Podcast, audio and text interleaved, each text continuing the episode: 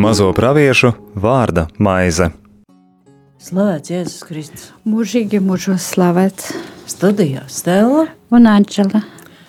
Šodien sāksim lasīt, varbūt pat arī pabeigsim lasīt pravieša Amasa grāmatas noslēdzošo devīto nodaļu. Nedaudz jau sākām to apskatīt iepriekšējā reizē, Bet šodien tomēr centīsimies saprast, ko pravietis tur vēlējies mums pateikt, tā pamatīgāk.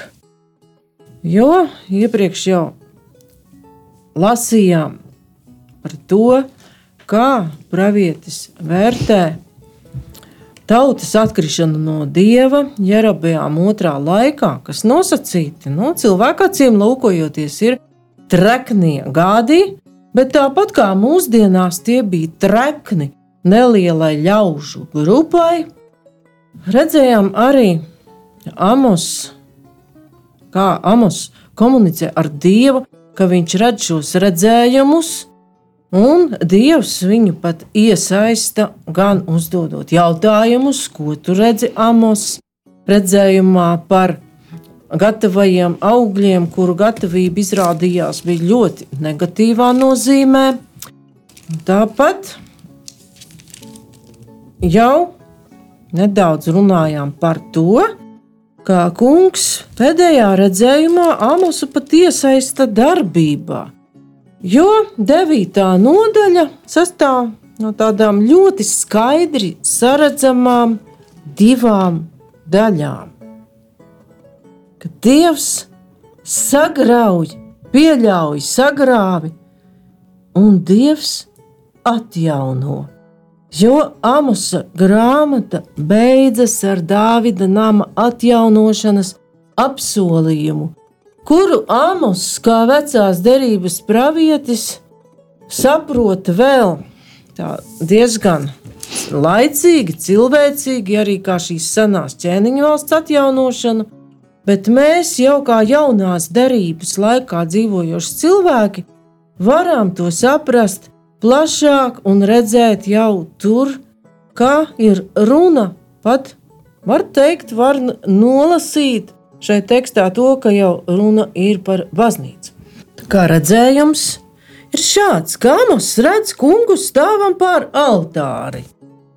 Krievu valodā nāc Tātad virs altāra nāc žertveņikam. Tātad altārs žertveņik, žertva tātad altārs, uz kura pienes upuri.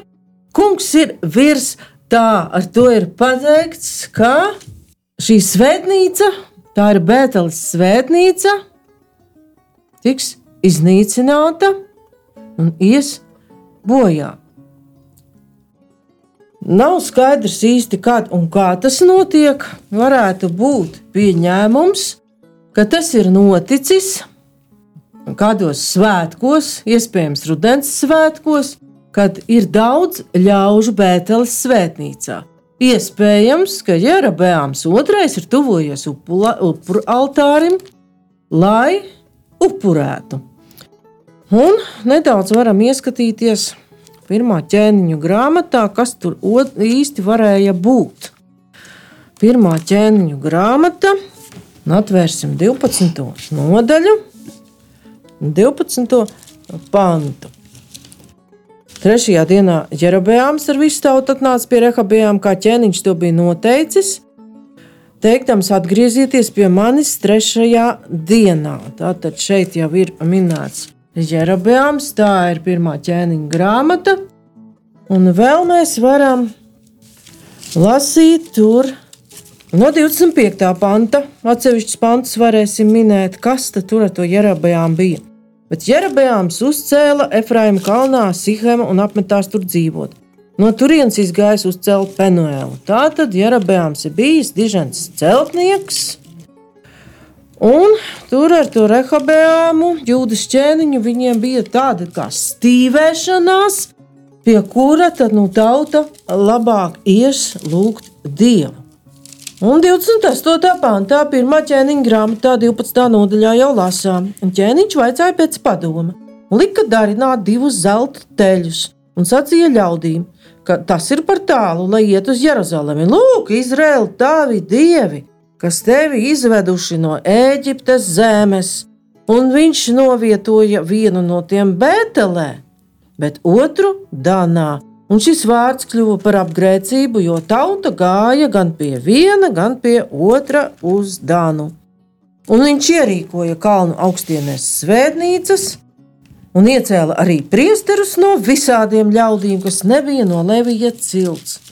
Tā tad arī ne tikai tur ir šie zelta teļi, uh, zelta teļi un ja Mūzus cīnījās ap vienu teliņu, tad te jau veseli divi teļi.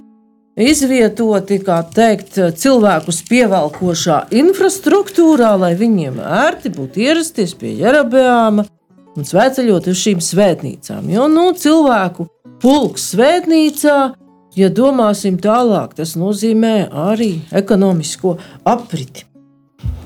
Un redzam, ka Jerabēns rīkojas kā kārtīgs biznesmenis. Viņš ņem to, kas par rokai, ieceļ priesterus visdažādākos, pārkāpjot kunga noteikumus, ko viņš ir devis.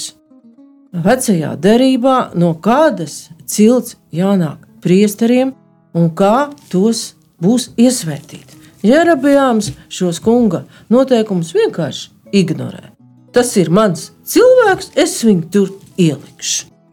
Un tālāk mēs lasām, tātad šeit jau ir tas norādījums, kas varētu būt noticis tā amos redzējuma laikā. Un 32. pants. Pirmā ķēniņa grāmatā, 12. nodaļā, un Jerabējām sarīkoja svētkus 8. mēnesī, mēneša 15. dienā, līdzīgus svētkiem Jūdā. Un viņš pats upurēja dedzināmos upurus uz altāra.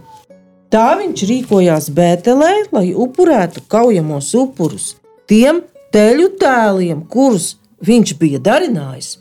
Tāpat viņš iecēla Bētelē priesterus uz tām augstienēm, kuras viņš bija iekārtojis. Un viņš pats upurēja dedzināmos upurus uz altāru, kuru viņš Bētelē bija uzcēlis 8. mēneša 15. dienā, kā viņš pats to bija izdomājis. Tā viņš Izrēla bērniem sarīkoja svētkus. Un viņš pats kāpa altārī, lai nestu kvēpināmo upuri. Tad teksts visu laiku ķēniņu grāmatā it kā maļ uz riņķi. Viņš pats upurēja tam tādā veidā, kā pats bija izdomājis.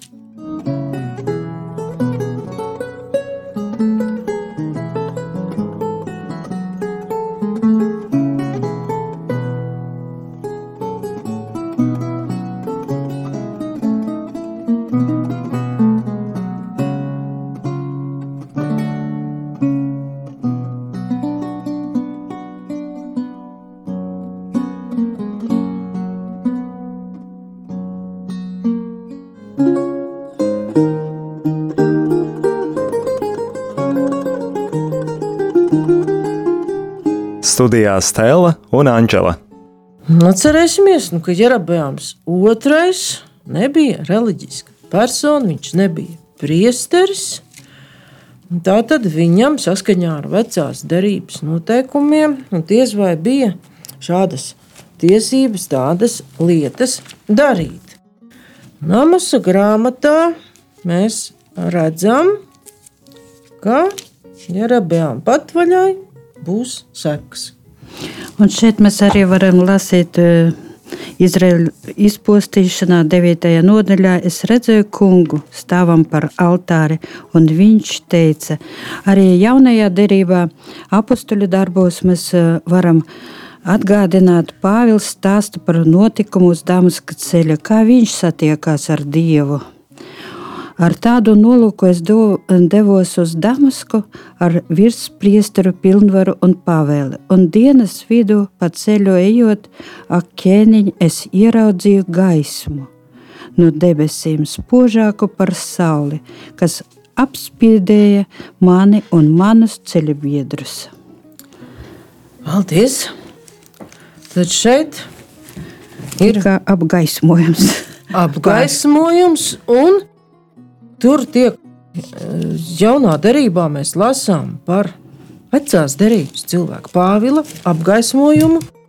Un Amosa grāmatā šķiet, kā tos vārdus varētu savalkt kopā, bet tomēr arī tas, kas notiek, ko sludina Amos, nav vienkārši tāpat, jo kungs pieļauj šo sodu, Izraēļiem ciest rīcības sekas, lai viņu sirds, prāts tiktu apgaismots. Un, kā redzam, Pāvils, kurš bija vecajā derībā ļoti izglītots, viņš bija izglītots, farizējs, mācījies pie rakstu mācītāja Gamaliela, tad Pāvils iegūst jau Atcerēsimies, ka šajā stāstā ir runa arī par to, ka Pāvils zaudē uz kādu laiku redzi, fizisko redzi, bet viņš iegūst garīgo redzi, atklāt Jēzu Kristu. Un Amasa grāmatā caur šiem pārbaudījumiem tauta iegūst redzi, saskatīt, kāpēc šie pārbaudījumi ir notikuši un sadzirdēt kunga saucienu, kurš atsauks atpakaļ savu Izrēla tautu no trimdas, kā mēs lasām 14. pantā. Un ir šis apsolījums par Dāvidas namu atjaunošanu, kuru mēs jau varam izprast daudz citādāk. Un nedaudz pieskarsimies arī tiem pārbaudījumiem. Jā. Tā, gājām viņam cauri, bet tomēr. Mēs redzam, jau, ka kungs sacīja, un jau iepriekš runājām, kad kungs aicina Amosu dot to triecienu šai nestabilajai celtnei, lai mūri sagāžas. Tātad Amos ar savu vārdu, un arī citi pravieši ar savu vārdu var sagāzt šo ļoti ērto dzīvošanas struktūru veselai tautai ka viņi atklāja, kas tā īsti ir. Ka tā ir pastāv uz nabagā aplaupīšanas rēķina, par ko mēs jau skatījāmies iepriekšējās reizēs. Un 9. nodaļā, turpinājumā, 1. pantā rakstīts, sasit vēlvi kā notrīts sliekšņi, brucini uz galvas tiem visiem, un tos, kas patik, paliks pāri, es ar zobenu ap, apkaušu, ka neviens no tiem neizmuks, ka neviens no tiem neglābsies. Kaut tie līdz šēlam aizraktos, no turienes mana roka tos paņems, kaut tie uzkāptu debesīs, tur es tos sadabūšu, kaut tie paslēptos Karmelna kalnā, tur sameklēšu un paņemšu viņus. Arī jaunajā derībā, Lūkas evanģēlijā, mēs uh, varam lasīt 72 mācekļu atgriešanās, tā ir desmitā nodaļa. Un tie 72 atgriezās un stāstīja ar lielu prieku, kungs, tavā vārdā pat dēmoni mums pakļaujas. Viņš tiem sacīja: Es redzēju sātanu, kā zibeni no debesīm krītam. Redzi, es jums esmu devis varu staigāt pāri čuskām un skorpioniem un katram naidīgam spēkam, un jums nekas nekaitēs. Tomēr nepriecājieties par to, ka gari jums pakļaujās, bet priecājieties par to, ka jūsu vārdi ir ierakstīti debesīs. Šajā jaunība, jaunajās derības tekstā ir, var teikt, jau tādas it kā sagrauts pozitīvais aspekts, jau ir jaunās derības laiks, bet tas, ko Anžela nolasīja iepriekš, tas ir cits tulkojums, jo man ir 68, 65. gada. Bībeles biedrības tulkojums un dod triecienu vārtu palodai, bet tur ir sagrauj velvi. Mm -hmm. Tā tad sasit vēl. Sasit velvi, tā tad velve ir tas uh, jumts, tas izliekums, kas ir kopā viņu satura, tas sauktais slēgakmens. Tā tad sagrauj visu celtni. Šo celtni, kuru bija uztaisījis Jerabēns, kā mēs lasījām ķēniņa grāmatā, pats pēc savas gribas. Šeit, Amosa grāmatā, ir ļoti draudīgi šie vārdi. Neviens neizbēgs, visi būs iznīcināti un izlaustos cauri pazemē. Anģēls tulkojumā šēls tātad pat līdz mirušo valstībai, roka viņus no turienes izvilks. Ja viņi paceltos pret debesīm, tad es viņus tomēr nogrūdīšu eh, zemē. Ja ir runa par šeolu, mana roka izvilks, mēs varam saprast mazliet arī savādāk, ja mēs skatāmies no jaunās derības puses. Tieši no tā, ko es izlasīju. Jā, kad ja Kristus ir, mēs arī ticības apliecībā tomēr sakām, Kristus ir nokāpis Elle, mirušo valstībā. Taču viņš to ir pārvarējis. Arī šeit, tur, kur mācekļi atbrīvo. Jā, jā, tur notiek tieši tas pats atbrīvo no ļaunā gara. Atbrīvo no visiem, no visa tā, kas no, no kā gāja bojā visi tie cilvēki, kuri uh, Amusa grāmatā mēs varam lasīt, kuri negribēja pildīt dieva gribu. Un Bet šeit viņi varam, tiek atbrīvoti. Jā, un mēs varam lasīt jau divās pakāpēs. Mana roka tomēr viņus no turienes izvilks, nu, lai viņus piemeklētu sots. Bet caur jauno derību mēs redzam, ka kunga roka viņus izvelk no šēla, lai viņi saņemtu mūžīgo dzīvību. Un, ja paceltos pret debesīm, tad es viņus tomēr nogrūdīšu zemē. Tas tomēr ir tāds brīdinājums ne tikai viņiem, bet mums visiem, un par ko bija runa arī Amosa grāmatas iepriekšējās nodaļās - augstprātība. Jo atceramies, ko te darīja vēl vecā derībā, kad cilvēki jutās lieli un vareni. Mēs celsim torni līdz debesīm, un sekas bija diezgan traģiskas. Un par debesīm jau pat psalmā, 11. psalmā, mēs varam lasīt, ka debesis ir 11, 5. Tas kungs ir savā svētajā namā Tam kungam debesīs ir goda krēsls. Viņa acis raugās uz zemi, viņa skati pārbauda cilvēku bērnus. Tad, tad kungs no debesīm, šis ir viņa goda, debesīs viņa goda krēsls, viņš pārbauda cilvēkus.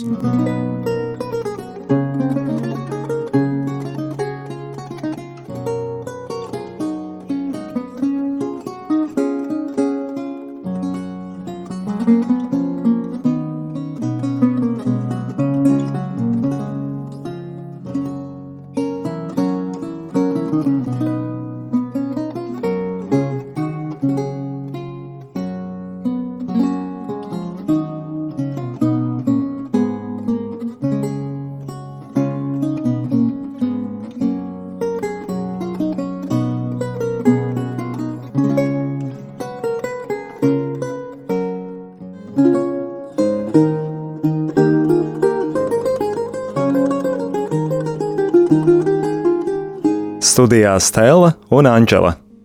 Un vēl par debesīm, kā kunga goda krēslu, runā arī Jēzus. Mateja evanģēlijā, 5. nodaļā, varbūt jau mēs pat tīri labi no galvas atceramies, par ko tur bija runa, bet varam arī izlasīt 33, 34, 5. nodaļa. Jūs vēl esat dzirdējuši, ka vecajiem sacīts, tev nebūs nepatiesi zvērēt bet tam kungam turēt, ko tu zvērādams solīs. Bet es jums saku, jums pavisam nebūs zvērēt ne pie debesīm, jo tās ir Dieva goda krēsls. Nedz pie zemes, jo tā ir viņa kāju pamesls, nedz pie Jeruzalemes, jo tā ir lielā ķēniņa pilsēta. Bet jaunās derības kontekstā, ja mēs atkal lasītu atklāsmes grāmatas lapuses laika trūkuma dēļ šoreiz mēs to nedarīsim.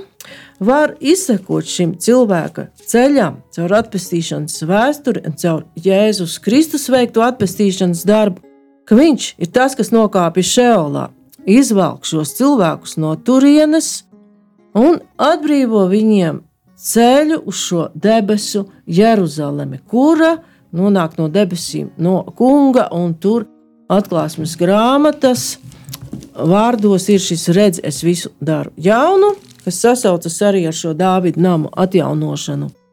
Amasa grāmatā, un tur cilvēks ir debesīs. Ir šī goda krēsla priekšā, bet viņš ir paša kunga tur aicināts, kad kungs viņa darbus ir atzinis labus. Esam. Un kāpēc tā Karmela kalna virsotne vēl ir minēta? Nodabūšu zemē, jūras dimantā. Atkal šie pretstati. Ja pirmajā ir tādi kosmiska mēroga pretstati, debesis un šēls. Kristīgā izpratnē mēs varbūt teiktu pat elle, bet mirušo valstību un debesis, kur mājo dievs, tad šeit tas amats salīdzinājums nedaudz sašaurinās. Karmela kalna virsotne bija tā viena no augstākām vai pat augstākā virsotne šajā izradzētajā, ze, apsolītajā zemē. Kur daudz klientu? Un kur bija. daudz klientus, bet ir kur kāpt un tiekties uz augšu. Un kur varēja paslēpties. Un arī paslēpties, ja noslēptos Karmela kalnu virsotnē tieši tā. Jā. Un tā kā kungs viņus sameklēs no tām viņu paslēptuvēm un acu priekšā paglābtos jūras dibenā. Es pavēlēšu jūras čūskai, lai tā viņus turpat sadzeļ. Jūra jūdiem bija ļaunuma simbols. Pa jūras čūsku mēs nedaudz, jeb leviatānu mēs varam nedaudz lasīt arī vecajā derībā. Un, piemēram, Ījaba grāmata, 26. nodaļa, varbūt kaut ko pat varam palasīt no tās, kur arī ir minēts šī jūras čūska, jeb leviatāns. Ījaba grāmata 26, 12, 13.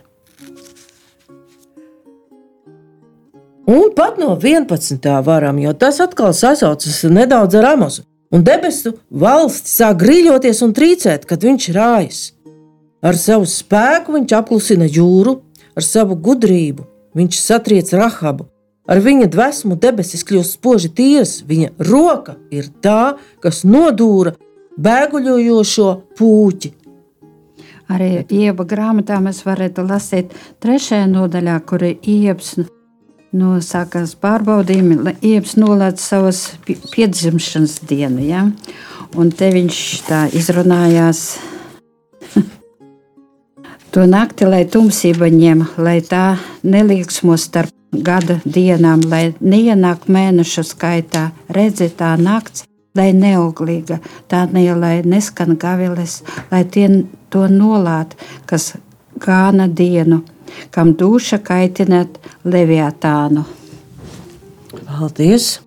Tas šeit arī ir Ieps šo levitānu piemin tad, kad viņš cieš, ir dziļā tumsā, var teikt, viņš savā garā atrodas jau šajā. Un nu, viņam ir šīs domas, ka Izaicināt. varbūt viņš ir iza, izaicināts ļaunumu. Jā. Jā, tā ir tāda lieta, ka cilvēks, ja viņš ilgstoši tik tiešām dara ļaunu, viņš sāk iet ļaunumu pavadā un būtībā to arī izaicina. Taču Ījaba grāmatas teksts, ko es nolasīju iepriekš, pasaka to, ka, lai kāds būtu šis kaitinājums, vai kāda būtu šī jūra, Dievs ir valdnieks par šo ļaunumu, un tas, tas ir spiests kungam pakļauties. Vēl mēs Leviatānu varam redzēt pieminam, pieminētu arī 74. psalmā. Psalmists raksta – no 13. panta. Tu esi sabangojis jūru ar savu spēku, sadragājis puķu galvas virs ūdens. Tu esi satriecis leviatāna galvas un devis tās par barību tūkstneša zvēra pulkam. Un tālāk arī psalmists tur raksta brīnišķīgu slavinājumu radīšanai un radībai, kā kungs visu ir brīnišķīgi radījis un iekārtojis. Un arī varam ja, arī no atkārtota likuma grāmatas lasīt, kā kungs attiecas pret savu tautu, ja viņa kalpo citiem dieviem, Kungs izkaisīs tevi starp visām tautām, no vienas zemes malas līdz otrai, un tur tu kalposi citiem dieviem, ko nepazini ne tu, ne tavu tēvi, ko, kokam un akmeni, kokam un akmeni. Paldies! Tā tad tur ir nozīme uz to. No, nozīme ir tāda, ka ir norādījums, ka cilvēks kalpos tam, ko pats savām rokām ir izgatavojis, izveidojis vai savā prātā izdomājis. Amos tālāk uzskaita visus šos pārbaudījumus, kad ja viņi sagūstītu soļotu ienaidnieku priekšā, es tomēr pavēlēšu zobenam, lai tas viņus turpat nobeidz. Es vērsīšu savus skatus uz viņiem, viņiem par nelaimi, ne par labu. Tāds ir viņš, tas kungs, Dievs Cebauts, ka, jo, kad viņš aizskar zemi, tā izkūst un visi tās iedzīvotāji bēdājas. Tālāk ir salīdzinājums, ka zeme cilājas kā nīla uzplūdos, un atkal nokrītas tik zemu kā šī Eģiptes straume. Tad norādījums, ko es iepriekš arī minēju, ka šajā laikā, šajā vietā bija piedzīvots gan saules aptumsums, gan arī zemestrīce, kad zeme viļņojas kā upes ūdeņi.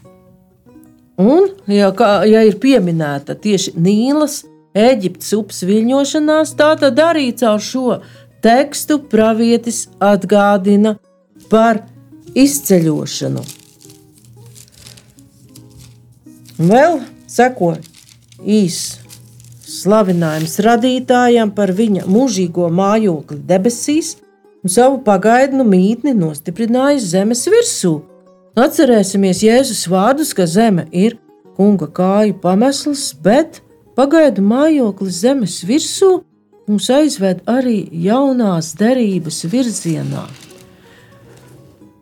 Uz kunga dzīvi miesā, zemes virsū, un atcauc atmiņā Jāņa evaņģēlīja prologu, kur, ja mēs lasītu precīzi, Šoreiz es atkal laika trūkuma dēļ šo prologu tekstu tieši nelasīšu. Kā par šo iemājošanu miesā ir teikts, viņš izplēta telti ja, cilvēka vidū. Un var saprast, ka viņš iemiesojās savā miesas teltī cilvēku vidū. Tātad šo amasu vārdu mēs varam saprast arī tā.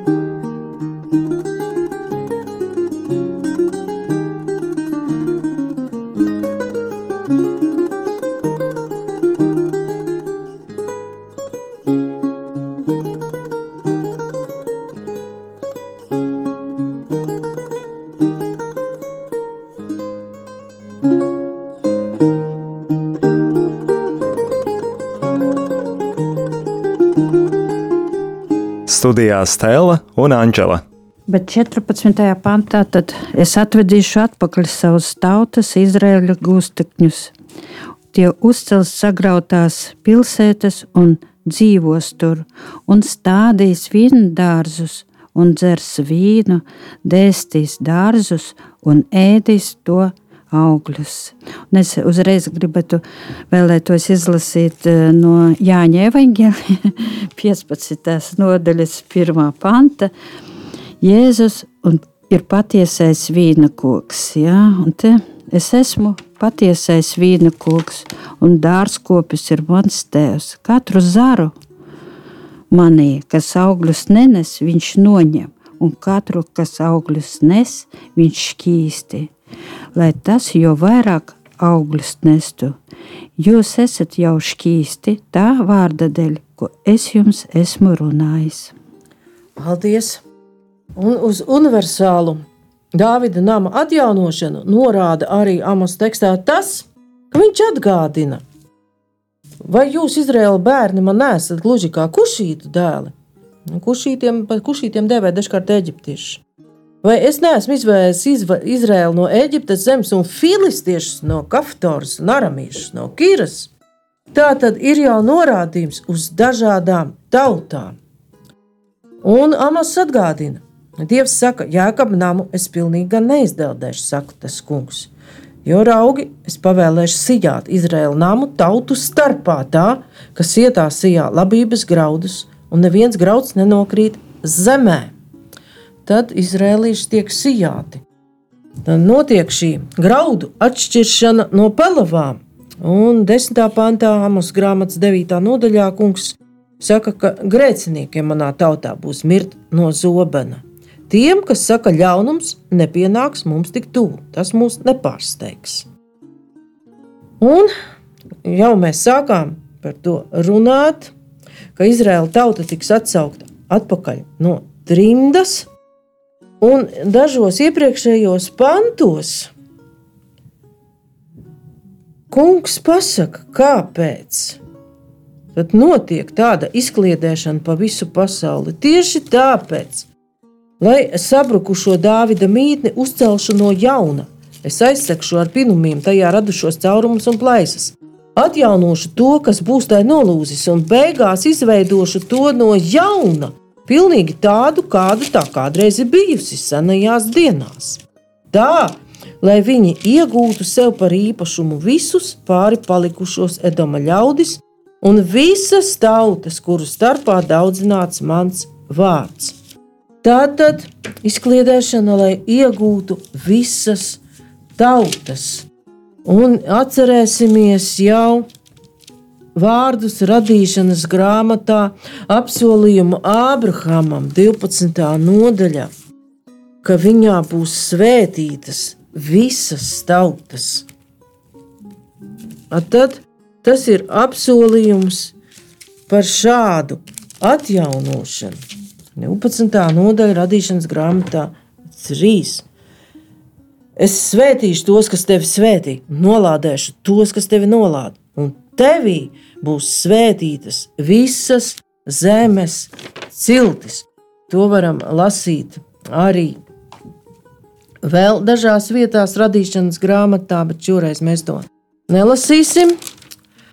Bet tā tad no tā mēs varam saprast, ka Amos runā par daudz lielāku lietu, pat pats to neapzināmies, kā vienkārša Izraela Dāvida valstības tāda politiska atjaunošana. Jo šeit ir šie vārdi, kurus mēs lasām arī atklāsmes grāmatā. Atjaunošu, izveidošu to no jauna, pilnīgi tādu izveidošu no jauna. Atklāsmes grāmata 21.5. Redzi, es visu daru jaunu. Tātad kungs no tā, kas ir, rada ko pilnīgi jaunu. Kādreiz ir bijusi senajās dienās, varam saprast, ka viņš to atgriež pirmotnējā svētuma stāvoklī, kad vēl starp cilvēku un dievu nebija nostājies grēks. Ļoti precīzi par to mēs varam lasīt apakstuļu darbu 15. nodaļā, 16. un 17. pantā. Pēc tam es, un, un tie, pat no 15. varam lasīt, kad Pēters Simons runās cilvēkiem, un ar to saskan praviešu vārdi, kā ir rakstīts: Pēc tam es atkal uzcelšu Dāvida sagrūšo mājokli, kas tanī sagāzīs. To es atjaunošu un atkal uzcelšu, lai pārējie cilvēki meklē to kungu un visas tautas, pār kurām mans vārds ir piesaukts, saka tas kungs, kas to dara, zināmu no mūžības. Tā tad runa ir par Dāvida namu atjaunošanu, jaunās derības izpratnē, un apstuļu darbi jau runā par baznīcu. Kā tā tiek dibināta, attīstās un aug. Un tā ar šiem vārdiem par atjaunošanu mēs šodien pabeidzam lasīt pravieša Amosa grāmatu, bet nākamajā reizē jau kodīsim kāda cita mazā pravieša dotajā vārda maizē, bet lai paliek kāds noslēpums, kurš tas būs, pagaidām neteikšu. Paldies par uzmanību! Studijā bija Stela un Anģela. Izskanēja raidījums Mazo praviešu vārda maize.